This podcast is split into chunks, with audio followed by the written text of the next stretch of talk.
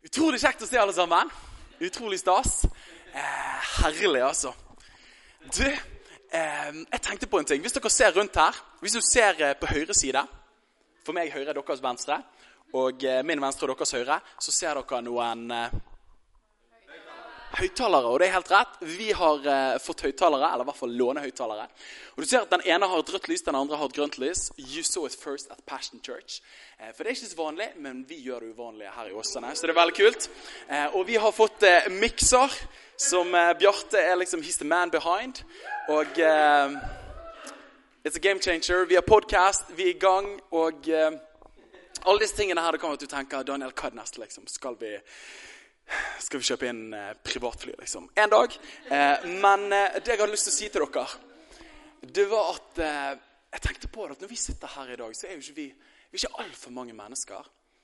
Og jeg kan ta meg sjøl i å tenke det ok, bare én dag der framme. Og jeg er skrudd litt sammen sånn at jeg, jeg er en futurist. Så det at jeg lever ikke så veldig mye i dag, men jeg lever som regel i morgen. Gjerne et par år fram i tid. Men noe, som er, noe som er, er veldig kjipt med det, er at da mister du øyeblikket. Og Det eneste problemet med det å leve i framtiden er at du ikke har framtiden ennå. Du har bare blitt gitt i øyeblikket. Så det, er det som skjer, Livet skjer i øyeblikket. Framtiden er ikke kommet ennå. Så jeg kjenner jeg har lyst til å oppmuntre dere som er her i dag. For dere er noen pionerer. Og har sagt det mange ganger. Eh, men der vi er i dag som Passion, det er ikke der vi skal være for alltid. Men samtidig kjenner jeg jeg vil ikke være foruten der vi er i dag. Og jeg tenkte litt på det, at i møte med det du får et barn. sant? Så du, du, går gjennom de ni måneder, du har båret på drømmen om å få et barn. Plutselig har det skjedd ting en kveld, og det var veldig god stemning. Og så plutselig begynner frøet å vokse. Og så går det ni måneder, og så kommer den lille ungen til verden. sant? Og da kan du tenke, og jeg tror det ikke er altfor mange foreldre som tenker det, men da tenker du liksom, bare la de bli tre år, liksom, når de endelig får språket, så kan vi kommunisere sammen. Og da kommer det til å bli helt fantastisk. Men det er jo ikke sånn det er, for at du nyter hver fase av livet. Ikke sant? Og det tenkte jeg òg i møte med Passion. At jeg gleder meg til den dagen vi er 50, den dagen vi er 100, den dagen vi er på hver eneste uke, og vi planter nye menigheter på nye steder, på vestlandskysten osv. utover. You name it, liksom. Privatfly. Eh, men samtidig Vi begynner her i dag, da. Og Jeg har kjent jeg har ikke lyst til å være god på i morgen, jeg har lyst til å være god på i dag. Og drømmen vår i Passion er Jesus hjem verden. Vi ønsker å leve tett på Jesus.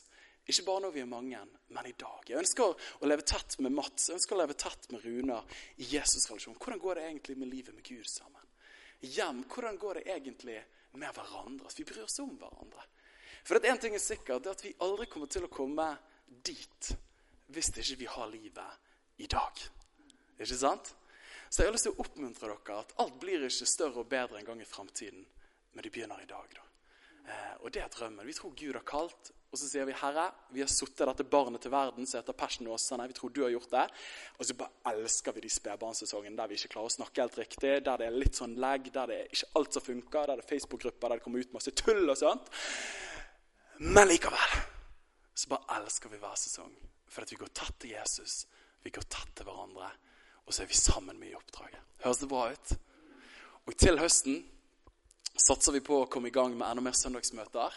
Eh, og utover våren kommer vi til å snakke enda mer om hvordan man kan koble seg på, og hvordan vi som et fellesskap, som et oss, kan få lov til å bygge dette sammen. For dette kommer til å ta av, og det kommer til å bli en sterk kirke. Ikke bare for meg, ikke bare for deg. Og jeg tenkte i sted, jeg har ikke lyst til å bygge et ungdomsblaff. Jeg drømmer om å få bygge en kirke for mine barn, for dine barn, og for mine barnebarn og for dine barnebarn. Så vi har ikke det travelt, for vi skal bygge sterkt, og vi skal bygge stabilt, og vi skal være spektakulære på toppen. Så det er litt kult å være her. Høres det bra ut? Veldig bra. Du, De siste ukene så har vi vært i Lukas.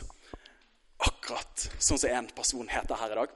Vi har vært i Lukas, og eh, vi var i kapittel 1 til 6 de forrige uke. Og denne uken her så er vi i kapittel 7 til 12. Og jeg har den store glede av å kunne få lov til å dele ut fra de kapitlene der. Og jeg, jeg må bare si at i dag det er et eh, enkelt budskap, det er et kort budskap. Du vet at forrige gang jeg prekte, og eh, moren din kommer etterpå og sier 'Daniel, Jeg syns det var litt langt i dag. Da vet du at du har prekt lenge, for hun elsker deg uansett. Og du vet når konen din i tillegg sier jeg tror du strakk det litt langt i dag, Daniel. Da vet du at du har snakket litt lenge. Så jeg tenkte at jeg ikke skulle snakke altfor lenge i dag. Short, sharp and on power. Og de sier at du stemmer med føttene dine om du går til valglokalet. Eh, men jeg får si det sånn, en forkynner ser hva folk stemmer på med om øynene oppe eller de er igjen. Eh, all right. Du, i den siste uken så har vi lest om eh, hvordan Jesus vekker opp den enken fra Nain. Vi har lest om synderen i Simons hus. Vi har lest eh, lignelsen om såmannen, om hvordan vind og bølger adlyder Jesus. Vi har lest om eh, hvordan han helbreder en person som lanserte Litago. Eh, det er bra. Og så sender han ut de ulike. Du vet, Jesus elsket sjokomelk.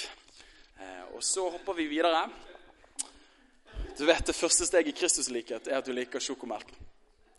Og Så kommer vi til kapittel 12, der jeg skal få lov til å ta avsats fra i dag. Og Jeg liker å være bibelutleggende, men i dag har jeg lyst til å ta en liten spin-off. At vi leser noen vers, og så spinner vi av fra det. Og så hører vi hva Guds ord har lyst til å si til oss. Så Vi er i det 12. kapittelet og i det 22. verset, og der taler Jesus følgende. Så sier Jesus til disiplene sine, derfor sier jeg dere, vær ikke bekymret for livet deres, hva dere skal spise, og heller ikke for kroppen, hva dere skal på dere. For livet er jo mer enn maten, og kroppen er mer enn klærne. Og Så går han videre og så snakker han om ravne og så snakker han om liljen og bruker disse illustrasjoner. Og Så hopper vi ned i vers, vers 29, og så sier han og søk ikke etter hva dere skal spise eller hva dere skal drikke. Vær ikke engstelige. For alt dette søker folkeslagene i verden etter. Altså de som ikke kjenner Gud ennå. Men deres pappa i himmelen vet at dere trenger alt dette. Og så kommer det der jeg har lyst til å ligge trykket på i dag. Men søk Guds rike. Og vi kan legge til søk først Guds rike, og alt dette skal bli gitt dere i tillegg. Søk først Guds rike, og alt dette skal bli gitt dere i tillegg. Jeg har lyst til å tale i dag under tittelen 'Et stort liv'. Et stort liv, et stort liv i etterfølgelsen av Jesus. Skal vi ta og be sammen? Jesus, vi takker deg for de øyeblikkene vi får lov til å dele rundt ditt ord. Og Vi ber deg, Herre, om at, eh, at det skal bli mer enn ord og mer enn bare noen fine øyeblikk vi deler, men jeg ber om at du, Hellige Ånd Dette er vår dypeste bønn med alt vi holder på med. At du, Hellige Ånd, kommer og griper våre hjerter. At du åpenbarer Jesus på en ny og på en levende måte for oss. Herre, at du kaller oss, at du taler til oss. At hver og en av oss skal oppleve at vi går herfra i dag med bare et ord fra himmelen rett til våre hjerter. Det ber vi om i ditt mektige navn. Amen. Amen. Du, jeg har lyst til å dele en historie med dere som har gjort utrolig inntrykk på meg de siste årene. Historien er som følger at den 10. april, på bursdagen til min lillebror, den 10. april 1829, i en by som heter Nottingham i England Er det der Robin Hood er fra, forresten? Stemmer det? Eh, Nottingham. Der er det en gutt ved navn William som ble født den 10. april 1829. Han er den andre gutten i en barnefamilie på fem stykker. Og eh, han har en familiefar der som er ganske velstående. Så De vokser opp i en forholdsvis grei familie. De har en grei stand i samfunnet der. Og han er så privilegert at han får lov til å gå på skole i dette samfunnet. her. Og Det var ikke alle på den tiden der som fikk lov til å gå på skole, for de hadde ikke mulighet til det. Så at Han lever et stille, rolig liv, forholdsvis greit. Men når han er tolv år gammel, så opplever han det som er alle barns mareritt. Nemlig at moren eller faren går bort. Og I hans tilfelle så var det faren som brått og plutselig gikk bort og døde. Det som skjer da, er at faren, som var velstående person, de mister inntekt i familien. Han blir kastet ut i arbeidslivet, må slutte på skole, hjelpe å brødfø moren og søsknene sine. Og det som skjer to år ned i veien, tre år ned i veien, når han er 15 år gammel, så er han på et møte sånn som dette her vil jeg tro. Og så hører han fortellingen om Jesus. Og idet han hører fortellingen om Jesus, så er det et eller annet som griper han. Mer enn at det var ord, så er det som Jesus griper hans indre. Og så tar han en beslutning der og sier han, vet du hva, med mitt liv har jeg lyst til å følge Jesus. Og det var ikke bare et valg blant mange valg, men det var et valg som skulle få toneangivende følger for livet hans. Denne lidenskapen for denne Jesusen Ikke bare var det en beslutning på et ettermøte med en hånd oppi, en lanke opp i luften, og så levde han videre. Men denne troen måtte få uttrykk for han. Så det han gjorde, det var at han dro til de fattige delene av Nottingham. Og så begynte han å dele fortellingen om Jesus med de fattige, med de prostituerte, med alkoholikerne, med de som var vanskeligstilte der. Og så begynner han ikke bare nok med det, men å hjelpe dem, gi dem mat og bry seg om dem. Når han er 19 år gammel, så, han, så er hans lærlingjobb er over. Og så må han flytte til London for å ta seg arbeid. Han tar seg arbeid i en pantebutikk der. Og Denne lidenskapen og denne vanen om å reise ut og hjelpe de vanskeligstilte, han fortsetter med det. Så han drar til Øst-London på denne tiden her, som var liksom akkurat som Oslo østkant. Det er liksom ikke det beste. Vestkanten, der har du snobben og sostene. liksom jeg er fra Bærum. Men på den tiden var det litt sånn i Oslo, eh, i London òg. At på Øst-London der var de fattige. De som var morfinavhengige. Det er ikke noe du hører om i dag, men på den tiden var de morfinavhengige. Prostituerte alkoholikere. Og så går han og deler fortellingen om Jesus der. For da hadde skjedd noe i denne gutten når han var 15 år gammel. Det var et valg han hadde tatt, som skulle vise seg å få toneangivende følger for mer enn bare et år, men for hele livet hans. Så han kommer der, og 23 år gammel så bestemmer han seg for å bli fulltidsevangelist. Han prøvde seg på å bli pastor, men han syntes det var for kjedelig, så han ble evangelist istedenfor. Sikkert godt valg. Vi trenger flere evangelister. Han og konen han møter en kvinne som heter Katarina, Catherine, og de gifter seg sammen. Og eh, de får en felles tjeneste i å nå ut til mennesker. Og i 1865, når han er 36 år gammel, så starter de noe som heter Øst-London misjon. Og Det de gjør der, helt enkelt, er at de fortsetter å gjøre det de alltid har gjort. Men de holder møter hver eneste kveld. Det som skjer uventet og gjerne ikke helt forutsatt, er at folk begynner å komme til tro. Ikke bare én, ikke bare to, men mange mennesker kommer til tro. For at disse menneskene her formidler et håp til mennesker som ellers ikke har et håp. De tar med disse tøffe folka, disse ikke gentleman-idealene fra London. Så tar de dem med til kirkene og så sier de, can we, can we come here to church? liksom, Fordi de snakket engelsk. Og så sier prestene eh, du, det går ikke, for disse lukter for mye, disse snakker for mye, disse bråker for mye. Så de finner ut at de er nødt til å starte sine egne kirker. Og de starter sine egne kirker, og dette blir en revolusjon. Det som finner sted dette sprer seg til andre land etter hvert. Det at de blir velkjente. Og jeg tror, hvis jeg ikke tar feil, i 1880-90-årene så kommer de til og med til Norge. Navnet til disse folkene her er William Booth og Catherine Booth. Som blir grunnleggerne og pionerene i Frelsesarmeen. Og De skydde ingen metoder for å dele evangeliet. En gang så latet de som de hadde et gravfølge. Så gikk de inn på torget, og så var det en person som lå oppi kisten. Og så spilte de sørgemusikk. og Frelsesarmeen, liksom, Hvis det er én ting de kan, så er det ikke moving heads røykmaskin, men de kan korps. liksom. Det er bra at vi har de som kan korps fortsatt. Det var de gode på. Så de spilte skikkelig triste musikk og uh, toner. Og sånt. Og så plutselig, midt under torget, så bare reiser det seg en opp fra kisten og så bare begynner å proklamere evangeliet. og Bare si 'Hvor kommer du når du dør?' liksom. Sant? Du vet at du er en tøffing da. Da har du nød for mennesker. De går inn på barer. Datteren til William Booth, kalt Marshall, hun gikk opp på barbord. Hun var kjent for det, og så plutselig bare begynte hun å forsyne evangeliet. Pubeiere ble så sinte på dem fordi de mista om kundene sine siden folk ble frelst. Vi snakker om vekkelse som ikke bare var i Østlandet, men spredde seg utover hele Europa og nasjonene. Når han dør i 1912, samme år som Titanic gikk ned Når han dør i 1912, så kommer det 150 000 mennesker for å se kisten hans. Den dagen han ble gravlagt, så følger 40 000 mennesker med han til hans siste hvilested. I dag så driver Frelsesarmeen et arbeid i 126 land. 1,5 millioner medlemmer, har 16, 15 400 kirker på verdensbasis. Driver hjelpearbeid for de vanskeligstilte. Selv inne i Bergen her så driver du hjelp av de som har kommet på skråplanet i samfunnet. Dette er et arbeid som strekker seg utover hele verden. Og Hvorfor deler jeg dette? her? Jo, jeg deler det her. For at denne historien har gitt så utrolig inntrykk på meg, men òg for oss som et fellesskap. Så kjenner jeg at jeg bærer på en drøm om at vi kan få lov til å være sånne mennesker som lever store liv.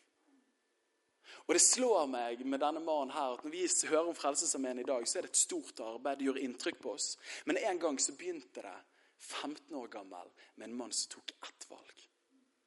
Og Det var typisk på et møte sånn som dette her. Jeg tipper ikke at det var veldig glamorøst. At det var et englekor fra himmelen som sa at you're gonna change the world. liksom. William, go for it. Men jeg tror at det var liksom evangeliet. Han sa, 'Jesus, jeg har lyst til å følge deg'. Og Det var ett lite valg, men som skulle vise seg å få så stor betydning for verdenshistorien, men ikke minst for evigheten. Den historien trigger meg. Og ikke bare var det noe som skjedde i hans liv, men han etterlot en arv for generasjonene som kom. Jesus sier i disse setningene som han formidler, så sier han noe som jeg, jeg tror ikke bare var relevant for 2000 år siden, for disse galileerne og nasareerne og disse israelsfolket. Men han sier sånn som vi leste her, vær ikke bekymret for livet deres, hva dere skal spise, og heller ikke for kroppen, hva dere skal ha på dere. Og så sier han videre, og søk ikke etter hva dere skal spise, hva dere skal drikke. Vær ikke engstelige. Og På den tiden der så var jo det gjerne vanskelig at du gjerne ikke hadde mat eller du gjerne ikke hadde klær å kle deg med. Det er jo ikke et problem de fleste av oss i dette rommet her har. Flesteparten av oss kler oss veldig bra. Men han treffer likevel noe av menneskets søken. For jeg tror at alle mennesker søker etter ulike ting. Og han traff det som var samtiden da. Men i dag hva er det vi stiller oss spørsmålet? Jo, hvem skal jeg gifte meg med? Eller hvor skal jeg bo hen? når jeg blir voksen? Hvor skal jeg etablere meg? Hvilke utdannelse skal jeg ta? Hvilke mennesker skal jeg gjøre livet mitt med? Hvilke verdier skal jeg holde for mine verdier? Og Det er akkurat som de samme spørsmålene. De har noen annen ordklang, men det er samme åren. Det er spørsmålstegnet i livet.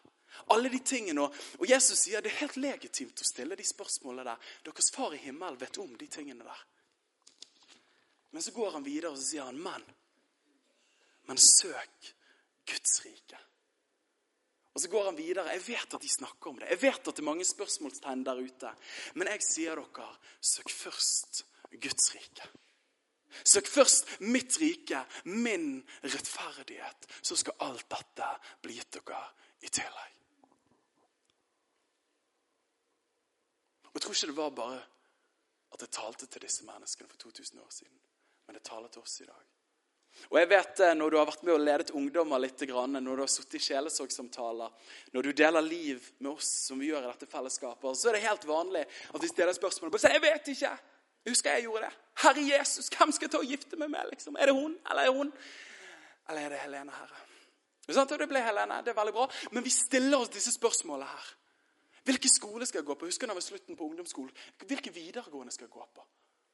Og jeg husker I tredje klasse på videregående så tenkte jeg hvilke utdannelse skal jeg ta? For jeg hadde tatt allmennfag, så jeg hadde ikke peiling på hva jeg skulle gjøre. sant? Så de fleste partene som tar allmennfag, vet ikke hva vi skal etterpå. Så jeg lurte på hva skal jeg gjøre for noe? Og alle disse spørsmålene her slår inn. Og så bare slår det inn i hjertet mitt, disse ordene til Jesus. Søk først Guds rike, og alt dette skal bli gitt dere i tillegg. Jeg har sagt det før, men i en New York Times i dag så er det mer informasjon enn det en person fikk i løpet av hele sin levetid på 1800-tallet. Tenk på det. Det er helt crazy. De sier i dag at, at i løpet av en uke i dag får vi bli utsatt for mer nyheter enn en person fikk i løpet av et helt år bare for 50 år siden. Jeg syns det høres helt uvirkelig ut. Kan ikke helt skjønne det. Men samtidig vi overeksponeres av inntrykk gjennom sosiale medier. gjennom de ulike tingene, Så er det så mange stemmer. Og tenker på dagens ungdommer som vokser opp. Så mange spørsmålstegn. Så mange, ikke bare informasjon, men agendaer som formidles i informasjon. Og, han, og her, sant Hør ungdommen i dag. Hvilke klær skal du gå med? Hvilken gjeng skal du høre til? Hvilke verdier skal du ha i livet ditt? Har du lyst til å ta deg bra ut i samfunnet, så bør du ta en sånn utdannelse. Og så er det så mange spørsmål. Og så er det så mange stemmer. Og så er det så mange som har lyst til å påvirke retningen på livene våre. Og da syns jeg disse ordene til Jesus Han sier sånn som Jesus alltid gjør. Du vet, eh, Jesus er jo den mildeste personen som finnes. Det står om, I første kor 13 så står det at kjærligheten er vennlig. Og det står at Gud er kjærlighet. Så du kan slå ut kjærlighet der og putte Gud inn. Og så står det at Gud er vennlig. Jesus, vennlig og forståelsesfull som han er, han sier at alt dette vet jeg at dere trenger. Deres far i himmelen vet det. Men jeg har lyst til å vise dere en bedre vei. Og sier han søk først mitt rike. Og Da er det en helt enkel illustrasjon for dere. Husker dere eh, når dere var liten, så hadde dere kanskje sånn pyramidepuslespill. Der du har masse rundinger. Og så har du én stake i midten, så du liksom skal stake dem ned på. Fantastisk bilde. Takker eh, en god mann for å få det bildet der. Men litt sånn er det som Jesus sier. Han sier at det er mange rundinger rundt om. Det er mange agendaer, det er mange spørsmål. Og prøver du å balansere de, så kommer du til å ha vansker. Og blikket kommer til å bli flakkende, og du kommer, enda, kommer til å ende opp med å reagere i livet istedenfor å definere livet. Men så sier han finn et sentrum i livet, og det sentrumet det er Gud. Elsker det. Og når Jesus, når vi søker Guds rike først, så blir det som om alle de andre tingene traktes ned på der. Og så får livet mening i etterfølgelsen av Jesus. Dette er det Gud kaller oss til. At han skal få lov til å være sentrum. Og det er det som skjedde i William Booth sitt liv. At han sa 'Jesus, 15 år gammel, jeg ønsker at du skal være mitt sentrum'. Og så fikk ekteskap, så fikk bosted, så fikk geskjeft, så fikk livsambisjoner sentrert rundt denne avgjørelsen han hadde gjort da han var 15. Jesus var ikke en liten bit oppi godteposen. Jesus var hele livet. Og Dette er det du og meg kalles til å leve. I ordspråkene 23, 19 så står det noe følgende. Så står det Salmo sier Jeg bare ser for meg Salmo, gamle dager. Han bare øser ut av visdommen av hjertet sitt, og sier han, 'Hør, min sønn, og bli vis'. Jeg digger det. Jeg gleder meg til den dagen eh, vi gutter blir så gamle, så kan vi sitte oss ned med sønnene våre og barnebarna. Jeg lover deg, hør og bli vis. Eh, du er litt cocky, du er litt trygg, jeg liker det. Men han sier 'hør og bli vis'. Styr hjertet ditt rett på veien. Og Jeg husker jeg flippet over det verset mange ganger, men en dag var det akkurat som slo inni meg. Styr hjertet ditt rett på veien. Han ikke, han sier ikke her 'la livet skje som det skjer'. Følg livets vei. Nei, led hjertet ditt rett på veien. Det er noe proaktivt. Og Jeg har lyst til å oppmuntre meg og dere i dag til å være et sånt fellesskap som proaktivt leder livene våre inn mot det viktigste, nemlig etterfølgelsen av Jesus. Fantastisk. Og eh, jeg tror at det at når Gud kaller oss til å følge Han, så er det noe stort der. Og Jeg snakket om det forrige gang. Jeg tror jeg sa det at jeg hadde P-matte på videregående. Og har blitt veldig glad i matematikk nå, særlig i prekene de to siste. Men dette bildet har slått ned i meg det siste året, og det har bare gitt så mening for meg. Med parallelle linjer. Hva er det med parallelle linjer, Mats? De treffer aldri hverandre. Spot on. For de holder en lik avstand hele tiden. Så hvis du sier at samfunnskulturen eller folk rundt deg er denne her, og så er du en linje som går over, så følger du den helt perfekt gjennom livet. Men hva skjer Mats, hvis du tar en liten sånn tipp opp, liksom? I et lange løp. Det er vanskelig. Den ene. Hvis du tipper opp den over. Forsvinner. For det, og det som er så genialt her Det er bra, Mats hadde faktisk Hadde du P-matte? Du hadde P-matte. De sier at P-matte står for praktisk matte, men det står for power-matte. ikke sant, Mats? Det står for kraftmatte. Du trenger ikke noe mer enn det. Eh, følg Jesus og P-matte, så har du et godt liv. Men det som er greien da, at to parallelle linjer Tar du en liten bøy, så er det akkurat som du ser det ikke i øyeblikket. Men går det ti meter ned i veien, så er avstanden større enn noen gang.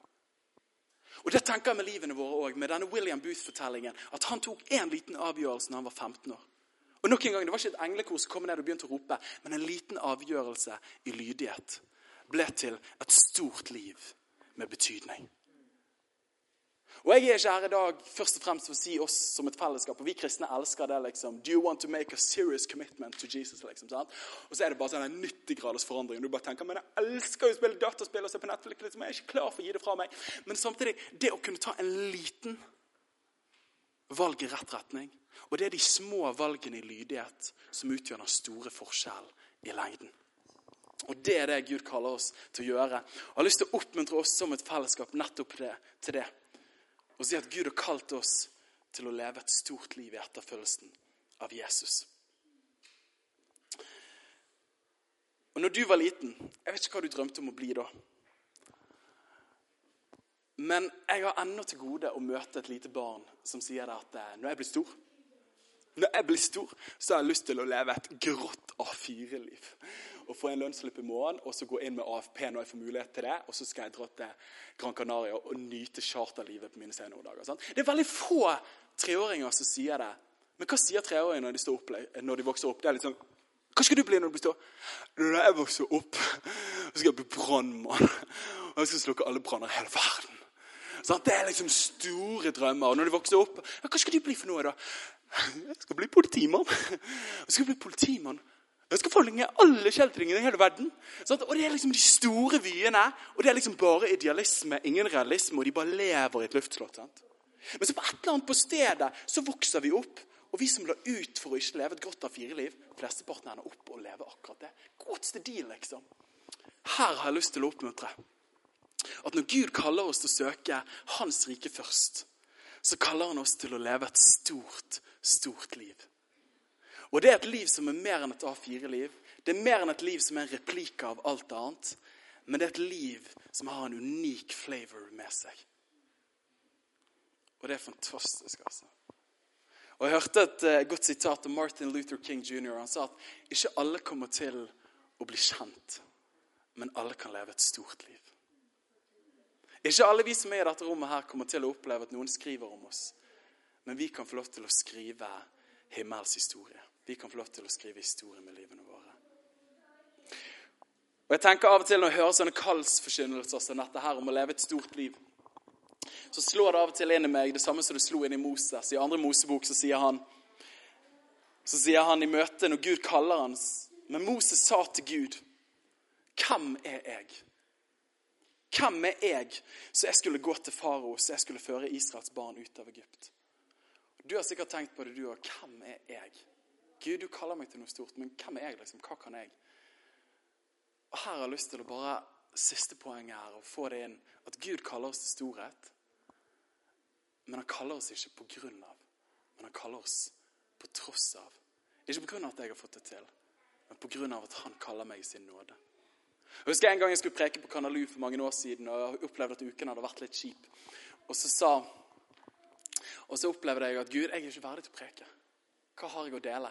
Og så sa han, Daniel, det er ikke dine gjerninger som kvalifiserer deg, men det er min nåde som kvalifiserer deg. At Gud kaller hver og en av oss til å leve et stort liv i etterfølgelsen av Jesus. Vi kan kjenne på uverdighet, sånn som Moses kjente på.